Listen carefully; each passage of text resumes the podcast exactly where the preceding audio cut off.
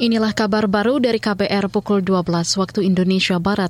Saya Naomi Liandra. Saudara, bekas Ketua KPK Firly Bahuri kembali menggugat status penetapannya sebagai tersangka oleh Polda Metro Jaya. Firly ditetapkan sebagai tersangka pemerasan terhadap ex-Menteri Pertanian Syahrul Yassin Limpo, SYL. Juri bicara PN Jakarta Selatan, Juyamto, mengatakan sidang gugatan akan digelar selasa pekan depan.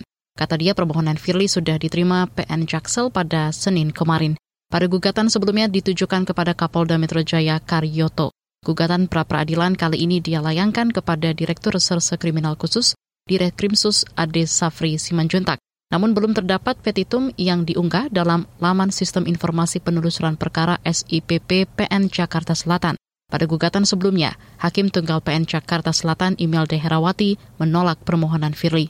Di sisi lain, penyidik Polda Metro Jaya sempat melimpahkan berkas perkara tersangka Firly ke Kejaksaan Tinggi DKI Jakarta pada akhir tahun lalu. Namun tim jaksa peneliti menyatakan berkas itu belum lengkap sehingga dikembalikan ke penyidik. Kementerian Pemberdayaan Perempuan dan Perlindungan Anak Kemen PPPA berkomitmen mendorong peningkatan keterwakilan perempuan pada pemilu 2024. PLT Sekretaris Kementerian PPPA Titi Eko Rahayu mengatakan rendahnya peran perempuan dalam politik praktis merupakan bentuk diskriminatif. Politik yang non-diskriminatif akan membuka ruang adanya keberagaman dalam keterwakilan politik, baik terkait suku, agama, ras, jenis kelamin, dan lain-lain. Indonesia sebagai salah satu negara demokrasi besar di dunia sudah sepatutnya meningkatkan ruang partisipasi dan representasi politik perempuan agar terfasilitasi dengan baik. PLT Sekretaris Kemen PPPA Titi Eko Rahayu berharap peran perempuan di parlemen bukan sekedar untuk memenuhi keterwakilan gender. Salah satunya dalam pengesahan Undang-Undang Tindak Pidana Kekerasan Seksual TPKS. Dia menyinggung keterwakilan perempuan di parlemen pada pemilu 2019 hanya 120 anggota dari total 575 anggota DPR atau 20 persen.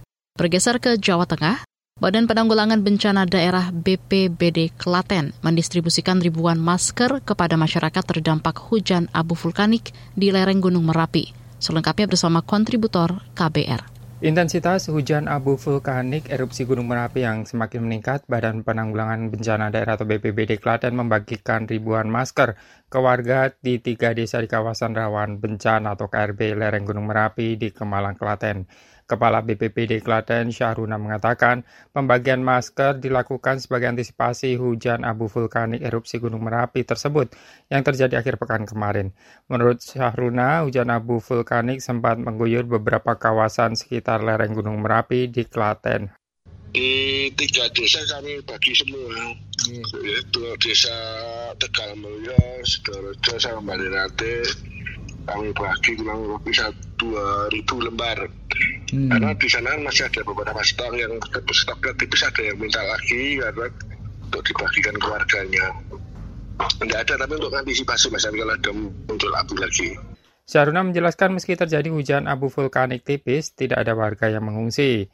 Syahruna mengimbau kepada warga agar tetap mematuhi rekomendasi dari Balai Penelitian dan Pengembangan Teknologi Kebencanaan Geologi atau BPPTKG agar tidak melakukan kegiatan apa pun di daerah potensi bahaya.